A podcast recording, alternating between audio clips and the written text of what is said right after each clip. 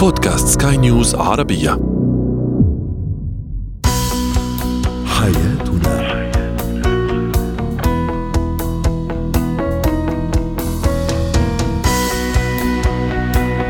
أهلا بكم مستمعينا الكرام إلى حياتنا برنامجكم اليومي الذي يعنى بشؤون الأسرة وباقي الشؤون الحياتية الأخرى والذي يمكنكم متابعته على بودكاست سكاي نيوز عربية. معي أنا طيبة حميد. اليوم نتحدث عن الإعجاب أو الحب عندما يتحول إلى هوس بالشريك. وفي زينة الحياة نتحدث عن كيفية التعامل مع غيرة الطفل عند قدوم مولود جديد. ونسلط الضوء أيضا على إتيكيت المكالمات الهاتفية. هو وهي.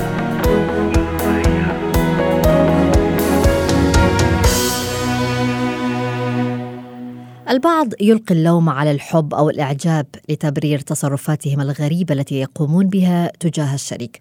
هم قد يعجبون أو يحبون الشريك إلى حد الهوس به، ما يدفعهم للقيام بأشياء مختلفة، بعضها قد يكون رومانسي وجميل، بعضها قد يكون مزعج أو حتى مخيف، وهناك بالتأكيد خط رفيع بين الإعجاب أو الحب والهوس. وهذا ما سوف نتحدث به مع الخبيرة النفسية والأسرية لما الصفدي أهلا بك أستاذة لما معنا ضمن حياتنا. يعني في البداية متى يمكن أن نقول أنه هذا الحب أو الإعجاب قد تحول بالفعل إلى هوس؟ هي هي مثل ما تفضلتي هي عبارة عن مرحلة انتقالية ممكن تكون سريعة. الحب هي عبارة عن مشاعر رائعة بتخلينا نشعر بمعنى أنه هذا الشريك بيكمل حياتنا وبيعطينا إحساس بالسعادة العاطفية. ولكن أنا لما أنتقل بأنه الحياة كلها تتلخص بالشريك ويصبح كل ما يحدث في الكون هو مرتبط بوجوده بتفاصيل حياته إلى درجة إنه أنا يعني ممكن يكون هو بالنسبة لي أشبه بالأكسجين الموجود في الهواء وعدم وجود هذا الأكسجين ممكن يؤدي إلى حدوث مشاكل كبيرة إلي أو للشريك فهذا يصبح بمجال الهوس. طيب ما السبب وراء هذه أو وراء هذا التركيز؟ يعني هل نستطيع أن نعتبر التركيز المبالغ به مع الشريك هو نوع من أنواع مثلا الإدمان العاطفي أو قد يرقى إلى أن يكون اضطراب نفسي بالفعل؟ فعلا هو ممكن يرقى أن يكون اضطراب نفسي آه، في قسم من الأشخاص اللي هو ما أخذ الحنان بحياته صار نشوف الأطفال اللي بيربوا بملجأ أيتام انفصال والدين منذ الطفولة مشاكل أسرية والدين قاسيين فهون هو ما عنده ابدا عاطفة ما أخذها من حدا. لما بيجي هذا الشريك وبيكون عنده آه هذا العطاء العاطفي فبيصبح هو بشكل كل شيء بالحياة. تنصب عليه يعني يعني تنفتح بوابة اللاوعي وينصب عليه كل ذكريات فيصبح هو الأم هو الأب هو الأخ هو الصديق. فتخيلي بأنه شخص لابد أن يلعب كل أدوار العالم. هو مستحيل نعم. لأنه أحيانا نحن عندنا طاقة معينة. لا نستطيع أن نكون بكل الأدوار وبكل الحالات المزاجية. هون يحدث العكس بانه أحيانا الهوس يتحول إلى انتقام وهي الأصعب. نعم. يعني لماذا نجد أيضا أستاذة لما البعض يجدون الارتباط كأنه متنفس لهم، يندفعون منذ الأيام الأولى حتى في العلاقات ويحاولون الارتباط بالشريك بأسرع وقت ممكن والتحكم به وبتصرفاته وأيضا حتى التدخل بكل شاردة وواردة، يعني هل نستطيع أن نقول هذه العلامات هي دليل على أنه هذا الشريك مهووس بالطرف الآخر؟ صحيح. هون أحيانا هون وبين قوسين نحن ما عم نحكي عن الحب. يعني في أشخاص بيقولوا لا هذا حب هذا ليس حب. هو عبارة عن اضطراب نفسي أصبح عنده وسواس قهري تجاه الشريك لأنه هو ممكن هذا الشريك يمثل مثل ما حكينا إسقاطات من الماضي من تجارب يائسة من قصة حب فاشلة. أحيانا الأشخاص اللي بيعيشوا بزواج ويليه طلاق ولكن مؤلم أو قصة حب عمرها عشر سنوات وبعدها فراق أو وفاة الشريك. الشريك اللي بعده أحيانا بيكون مظلوم. لأنه هو يعني يسقط عليه كل مخاوفه فبنشوف مثلا بيمنعوا إنه ممنوع قيادة السيارة خوفا من الموت ممنوع التعرف على الآخرين. عنده إحساس دائما بإنه أنا رح أخسره عندي إحساس دائما بإنه هو رح يتركني عندي إحساس دائما بإنه هذا الشريك ممكن يحب حدا غيري. فأنا حلي الوحيد إني أنا أكون مراقبه ومتملكه. وأنت بتعرفي في كثير أشخاص ممكن يحبسوا ناس يعني يعني من القصص اللي بنسمعها بأنه ممكن يكون هو يعني يستحوذ على الشريك بأنه أنت ممنوع تكون خارج المنزل. هذا اضطراب نفسي طبعا لأنه هو عنده خوف من الفقد وعنده خوف من الهجران وخوف من الخيانة. فبتنصب على الشريك. ولكن هؤلاء الأشخاص ألا يمكن أن يكونوا مثلا أشخاص هم معطائين بالفعل يودون أن يعطوا ويقدموا كل ما هو جيد والأفضل للشريك في المقابل؟ سؤال جميل، هون لازم نفصل كثير موضوع مهم ما بين الحب والهوس. الحب أخذ وعطاء سطحي، هدايا، محبة، أنا ممكن خليه يكون أسعد إنسان بالعالم لأني بحبه، بس انتبهي الحب هو حرية. يعني كل من يقول بأنه أنا أحبك فأنا أمنع عنك حريتك هو شخص مضطرب وليس حبيب. لأن الحب هو لا يتعارض مع الحرية. كونه له شخص في المجتمع وجوده حياته طقوسه اليومية العادية مثل أي إنسان. ولكن طالما أنا وصلت إلى مرحلة نحن ممكن نشوف أشخاص يتحكموا بالآخرين بلبسهم بحركاتهم بأكلهم. ممكن يصنعوا منهم مرضى نفسيين وبنشوفها كثير بالأفلام. فبالتالي انت لما بتقنعي من شخص مريض نفسي هذا بطل حب. هذا عبارة عن اضطراب نفسي يسقط على الآخرين. في المقابل نجد أيضا يعني أستاذة لما في مجتمعاتنا يعني قد نجد شاب يرتبط بفتاة وبالفعل يتحكم بها بكل ما تعنيه الكلمة من معنى وهو قد يكون يعني يأتي من أسرة أسرة جيدة أسرة متفاهمة ولكنه كأنه يود أن يمارس هذه السلطات على شريكه حياته. أكثر يمكن من تحكم الفتاة به. هون اللي بصير وبالقصص الكثير اللي بسمعها أنا بالاستشارات بتكون نتيجة آه يا إما وجود خيانة في العائلة هو كان شاهد عليها يعني خيانة الأم للأب أو الأب للأم فبالتالي هو دائما عنده إحساس بأنه هذا الشريك رح يخون. النقطة الثانية يا إما هو تربى في بيئة جدا منفتحة فعنده ردة فعل عكسية تجاه إنه أنا اللبس محتشم جدا ممنوع حدا يشوفك آه، ممكن يغطيها كاملة. فالنقطة الثالثة الإحساس بأنه هذا الشخص ممكن يكون ما عنده ثقة بنفسه. فهو بنتيجه قلة الثقة اللي عنده إياها هو لا يستطيع أن يكون متواجد في مكان عام بحرية مع شخص يمتلك كامل مقومات الثقة بالنفس. وهي بنشوفها إمتى؟ لما يتحول الحب إلى تحطيم النجاح المهني للاخر لما بحجة الحب نحن بنحطم الحرية الشخصية. لما بحجة الحب ممنوع الشخص الآخر يتنفس أو يذهب أو يأتي أو يمارس أي طقوسه اليومية. فبالتالي هون كلها اضطرابات يعني لحتى كل شخص هو حاليا يعيش بعلاقة مسمومة يعتقد بأنه شريكي يحبني لا أنت خاطئ هذا ليس حب هذا اضطراب. الحب أخذ وعطاء الحب حرية الحب متسع من الأمان. ونقطة مهمة جدا فكرة الأمان. في فرق ما بين الأمان وفي فرق ما بين إني أحرم شخص من الحياة بحجة الأمان. جميل. يعني حتى في المقابل يعني إحنا ذكرنا نقطة عن الشباب نذكر نقطة أخرى أيضا عن النساء. هناك نساء يقولن مثلا زوجي أو شريك حياتي عادة ما يقضي كل الوقت مع أصحابه لا أجد وقت معين نقضيه مع الأسرة أو معه. في هذه الحالة هل نستطيع أن نقول هذه الأمور قد تكون مشروعة أم هي أيضا قد تصل إلى حد التحكم بالطرف الآخر؟ وأضرار هذا الموضوع طبعا يعني على الطرفين. إيه أكيد لا ما هو ما رح نتحيز يعني بس أكيد مشروعة. مشروعة لأنه هي هون آه لما نحن بنحكي عن حقوق وواجبات فهذا آه مشروع. لما نحن بيكون الطلب بأنه هذا الشخص هو 24 ساعة خارج المنزل والطلب إنه هو يقضي وقت مع أولاده مشروع. أما أنت غير مشروع لما أنا أطلب من هذا الشخص مثلا يضع لي ابلكيشن بحيث إنه أنا راقبه يعني إحدى التطبيقات مثلا إنه أنا أكون عارفة هو وين خلال كل اليوم لأنه أنا لازم يضل عندي الإحساس بإنه هو تحت مراقبتي. ما أنا أتصل فيه خمسين مرة خلال اليوم بحجة أنا بحبك لا هذا هوس. هذا هوس يتحول إلى شك أيضا من انواع الهوس الشك وعدم الثقة. فاذا هون لازم نميز ما بين حقوق الإنسان بإنه هو يكون أب موجود شريك موجود أوقات مشتركة يعني يكون في تواصل أخذ وعطاء مناسبات هدايا كلها هاي حقوق مشروعة. غير المشروع هو كل ما زاد عن الحد الطبيعي المراقبة 24 ساعة حرمانه من الحريات آه، طلب المتابعة الدائمة وحرمانه من أي حرية شخصية تحت أي مسمى. جميل. طيب في المقابل كيف نستطيع أن نساعد هؤلاء الأشخاص ليكونوا متوازنين أكثر آه، في آه، مشاعرهم؟ أول شيء أنا لازم قيم بأنه هذا الشخص اللي هو عنده هاي المشكلة لازم أنا أرجع للوراء وقيم شو الأسباب اللي هي. يعني دائما أنا بقول قبل ما تختاروا الشريك اختاروا أهله. كل شخص فينا هو انعكاس لبيئته الموجودة فيه. فقيم كيف هو وضعه بالبيت شو السبب اللي عم يعيش منه؟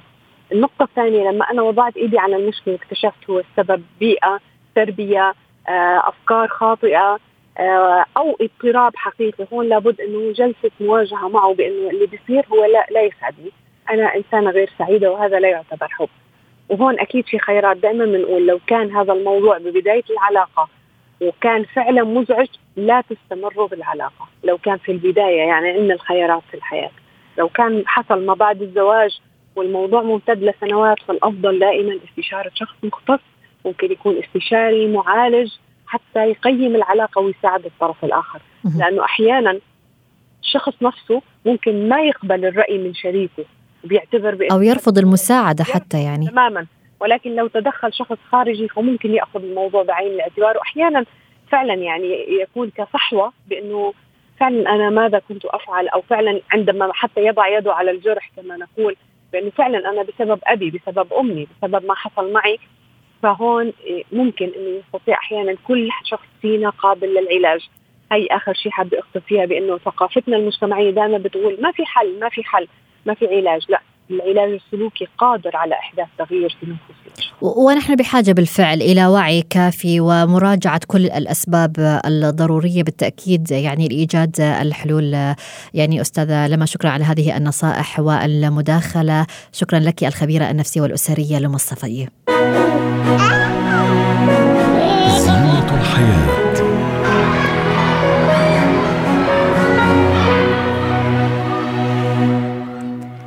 استقبال مولود جديد في محيط الأسرة قد يكون أمرا مزعجا للطفل الأول. طبعا في حال لو كان هو الطفل الوحيد لدى الأهل. فبعض الأهل يحاولون إقناع هذا الطفل بأهمية أن يكون لديه أخ أو أخت ولكنه يرفض الفكرة من باب الرغبة بعدم مشاركة أحد في اهتمام الأهل وعطفهم. وهو قد اعتاد أيضا أن يكون محط أنظار الجميع دون منافس. فكيف نهيئ الطفل لاستقبال المولود الجديد؟ هذا ما سوف نناقشه مع الخبيرة التربوية هبة شركس. أهلا بك أستاذة هبة معنا ضمن سؤال حر. يعني إذا ما تحدثنا في البداية عن الطفل الوحيد كيف نستطيع أن نهيئ هذا الطفل لاستقبال المولود الجديد؟ هل آه، دائما ما يكون الموضوع صعب؟ آه، هو حسب طبيعة الطفل وحسب طبيعة علاقته بأهله. يعني بعض الأطفال بيبقى بالنسبة لهم بالعكس هم اللي بيقعدوا يطلبوا أنا عايز يكون عندي بيبي آه، جديد وعايز يبقى عندي حد تاني في البيت حد ألعب معاه حد أتكلم معاه. لو كان الطفل كبر في السن يعني في سن ثلاث سنين ونص وأربع سنين وقادر يتكلم فأحيانا هو اللي بيطلب إن هو يكون له اخ وعلى الرغم من طلبه ممكن طبعا يصاب بمشاعر الغيرة لأن دي من المشاعر الفطرية الطبيعية جدا اللي بتحصل عند أغلب أغلب البشر. آه وبعض الأطفال لأ بيكون هو رافض فكرة إن يكون في حد تاني أو بيبي آه وبيعبر عن غيرته بطريقة إن لأ مش عايز البيبي البيبي وحش آه ونحن نتحدث عن هذه الحالة اليوم. يعني إذا ما اعترض الطفل آه كيف يجب أن يتعامل الأهل في هذه الحالة؟ على حسب المرحلة العمرية للطفل. يعني لو الأم مخلفة بعد ما الطفل كان عنده سنتين آه بيبقى سهل جدا إن الطفل يندمج مع طفل جديد. لو ادينا له اهتمام كبير لو بدأنا يعني نقول له تعالى نغير للبيبي الجديد الحفاضات تعالى مثلا اختار له اللبس معايا واختار لبس شبه بعض نعمل حاجة مع بعض تعالى نحمم ال baby الجديد مع بعض يعني لو بدأنا نشرك الطفل ببعض الأنشطة ممكن وهو صغير قوي ممكن إن هو شوية مرح يحسسوه إن الموضوع okay. الطفل عادة بيغير على أمه مش بيغير من الطفل التاني. في فرق ما بين الغيرة من اللي هو أنا في شخص معين مش طايقه وما بين الغيرة على شخص هو بيغير غالبا على أمه وعلى مكانته في الأسرة.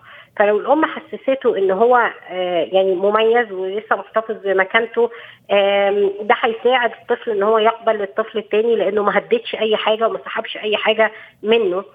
لكن لو الطفل آه، حس بإن في تغيير وإن الأم قاعدة طول الوقت بالطفل ده وبترضعه وإن هي بتبعد الطفل الجديد عنها وفصلته عن الفراش في في قرب فترة آه، آه، يعني الولادة أو مجيء المولود الجديد أكيد هي بتعزز عنده هذه الغيرة فبالتالي طبعا هيكون الموضوع وفي المقابل يجب تهيئة الطفل حتى يعني قبل الولادة أو قبل قرار الإنجاب صحيح؟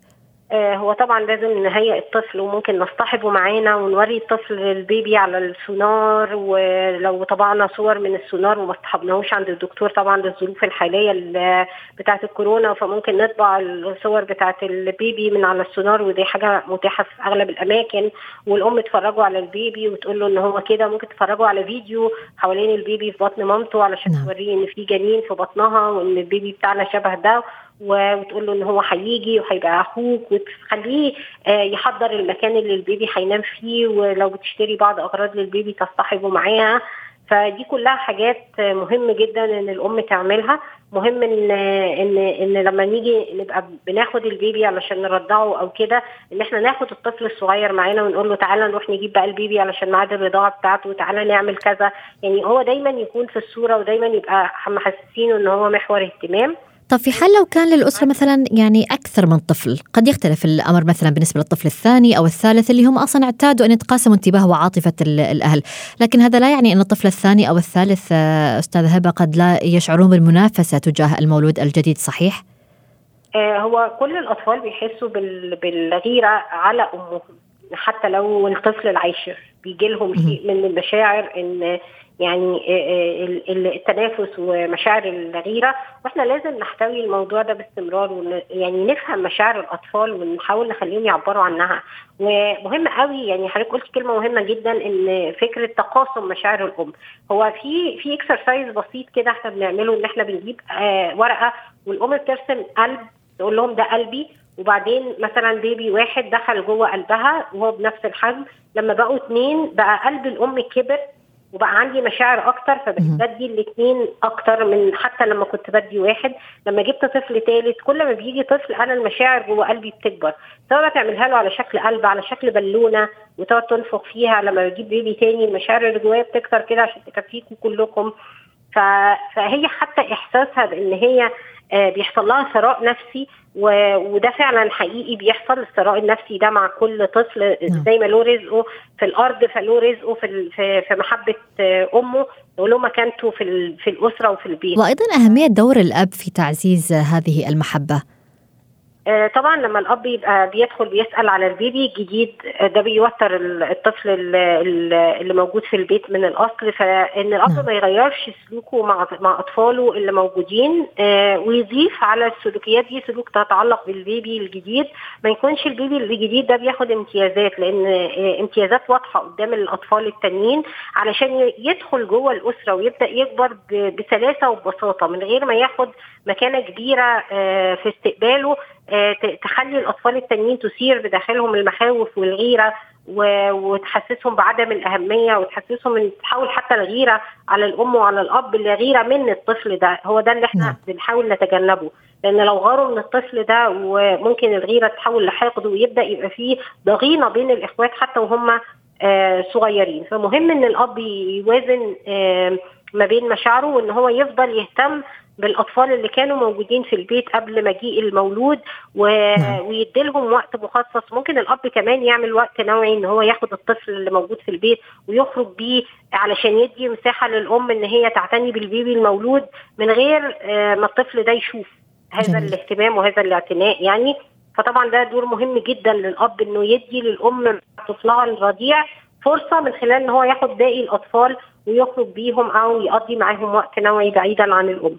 وضحت الفكرة. شكرا لك الخبيرة التربوية هبة شركس. اتكات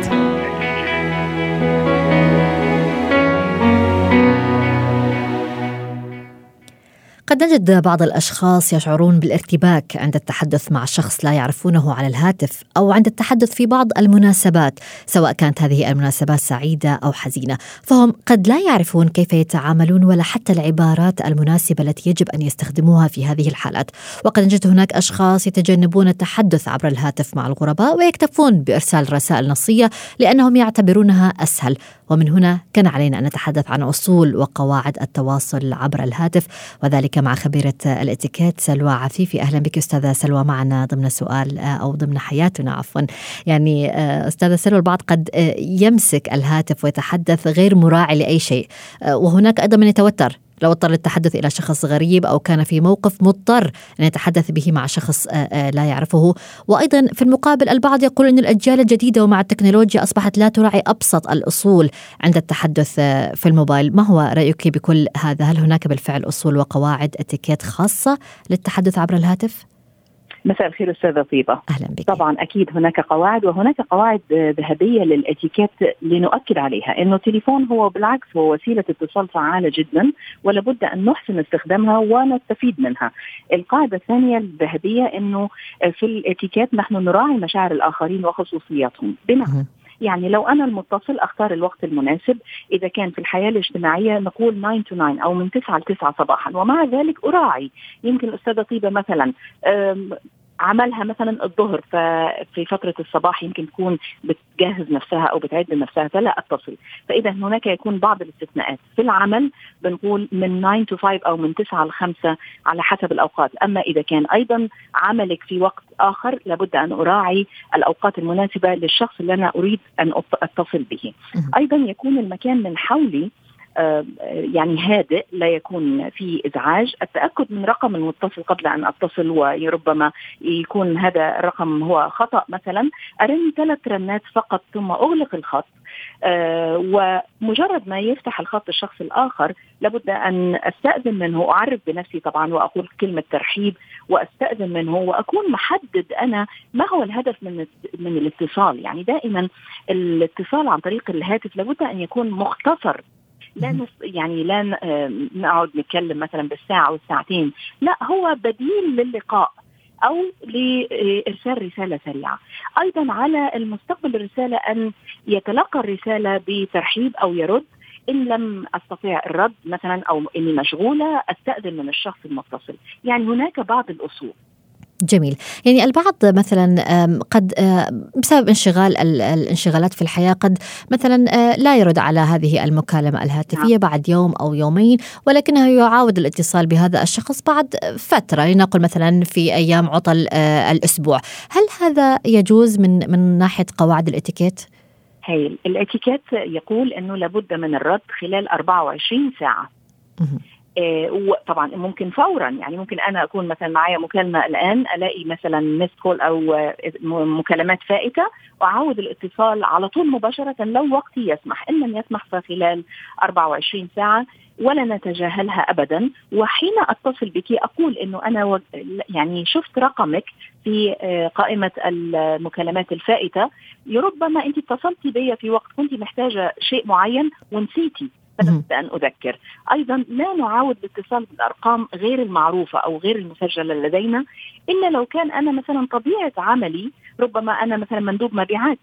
فهنا نعم. لابد أن أتصل طبعا لأن هذا عمل. أما الأرقام غير الفائتة ربما كانت بالخطأ. وإذا أنا اتصلت برقم هو لا يعرف رقمي ولم يرد يعني يفضل أن أرسل رسالة كمان. إنه أنا اعرفه من أنا. جميل. طيب من آداب التواصل عبر الهاتف من الذي ينهي المكالمة الشخص المتصل أم المتلقي؟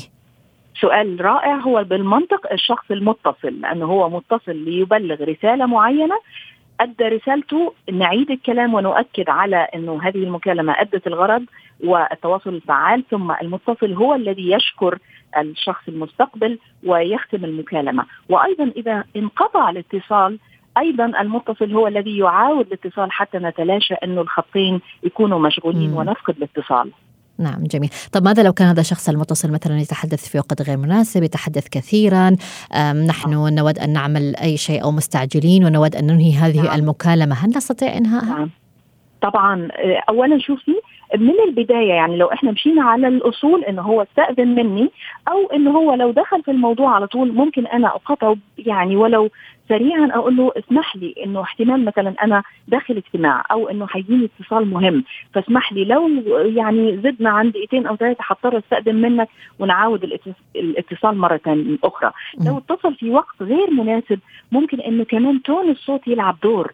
ربما أنا نائمة ربما أنا في فترة مثلا هذه فترة خاصة بي مثلا وقت الراحة.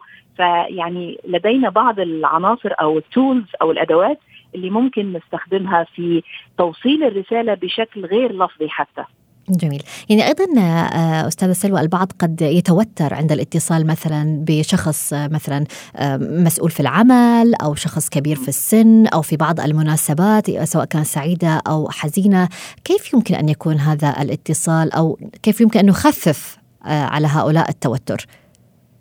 طبعا شوفي لازم يكون الإنسان إذا أنا محددة في اتصالي ومعايا دائما ورقة وقلم رجاء يعني دي أنا دائما أنصح فيها نعم. ان يكون معايا ورقة وقلم ربما قال لي شيء ربما أنا أريد أن أرتب أفكاري وأكتب نقاطي حتى لا اتلعثم في الكلام مثلا أو أنسى.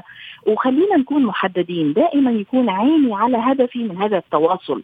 لا أدخل في موضوعات أخرى. عشان كده بنقول دايما إنه على متلقي الرسالة أن يترك الفرصة للمتصل يعبر أو يوصل رسالته الأول ثم أنا أدخل في الحديث إذا نعم. كان الوقت لازال يسمح. فهنا الثقة بالنفس مطلوبة من خلال بعض التحضير آه كتابة نقاط معينة ممكن آه أن يكون معايا ورقة وقلم. تمرين التنفس كمان أنه آخذ نفس عميق وإنه لا أرد بسرعة. أعطي فرصة ولو حتى بضع ثواني مثلا ثانيتين ثلاثة عشرة إني أنا أفكر في الرد قبل أن أرد. جميل، وضحت الفكرة، شكرا لك على هذه النصائح خبيرة الاتيكيت سلوى عفيفي. حياتنا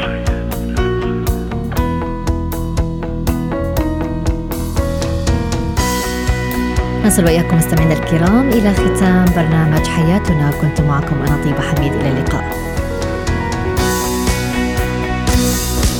حياتنا